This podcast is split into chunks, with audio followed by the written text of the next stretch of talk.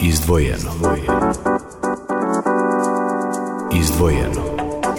Pomaže Bog, poštovani slušalci Radija Slovo Ljubve, sledi naš infoblok, a sa vama su Dragan Radosavljević i Jelena Jež.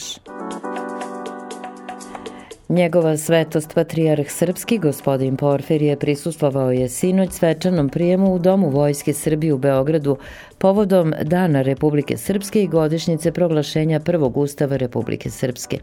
Patrijarh je najpre čestitao sabranima, kako je rekao, i odavde iz centra Beograda, kao što smo to učinili i u centru Banja Luke. Ustav Republike Srpske i Dan Republike Srpske su izraz volje srpskog naroda, rekao je njegova svetost i ukazao da su reči gospodina Dodika izgovorene u Podgorici, da Srpska pravoslavna crkva čuva identitet kroz vekove, duboko istinite. Pre svega zbog toga što crkva i narod nisu dve stvarnosti kako bi neko hteo da prikaže, a pogotovo nisu stvarnosti koje su međusobno suprotstavljene. Jedan identitet, jedno telo, jedna vera, jedan narod ponovio je i podvukao patrijarh srpski.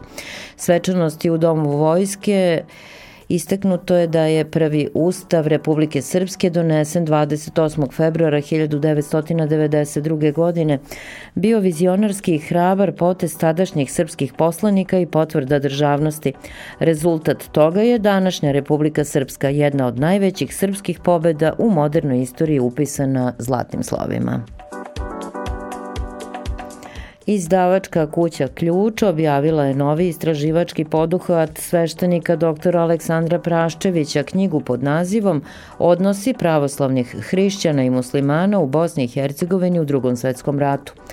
Prvi put od završetka drugog svetskog rata u kome su pravoslavni Srbi podneli najveću žrtvu u ljudstvu na Balkanu, naša javnost dobila je priliku da se na osnovu do sada neobjavljenih arhivskih dokumenata, decenijama nedostupnih istoričarima i istraživačima, upozna sa novim detaljima u odnosima između pravoslavnih hrišćana i muslimana u Bosni i Hercegovini u tim užasnim ratnim godinama. Opširnije ovoj knjizi na našoj internet stranici.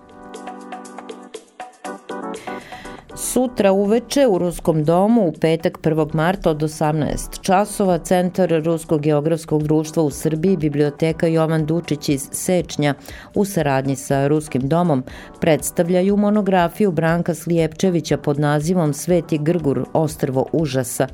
Reč je o autobiografskoj prozi koja govori o stradanjima proživljenim na ostrvu Sveti Grgur i ostalim mučilištima gde su odvođeni srpski komunisti, ugledni oficiri i prvoborci u doba rezolucije Informbiroa.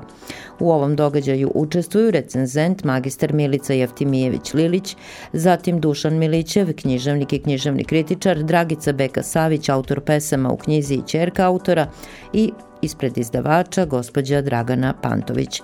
Program će dodatno oplemeniti Guslar Slavko Aleksić i članice pevačke grupe Zavičajni snovi.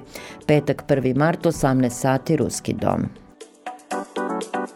Na našem programu večeras od 20 časova reprizni termin emisije Budimo ljudi koji ste mogli pratiti uživo od podne. Naš gost, podsjetimo, bio je Danilo Vasović iz humanitarne organizacije Srbi za Srbe, koji poziva na humanitarni koncert folklora i tradicionalne muzike 9. marta u Domu omladine Beograda a večeras od 21 sat novo izdanje emisije Zbor zborila gospoda Hrišćanska u Sivcu je pre nekoliko dana predstavljena knjiga Sveta Petka autora arhimandrita doktora Kleope Stefanovića nastojatelja Svetova vedenske obitelji u Sremskim Karlovcima. Reč o knjizi te večeri uputila je dr. Jelena Popov, a potom je nadahnuto predavanje o Svetoj Petki održao i otac Kleopa. Zbor zborila gospoda Hrišćanska 21 sat. Toliko u ovom našem kratkom infoblogu. Čujemo se u 14 sati. Izdvojeno. Izdvojeno.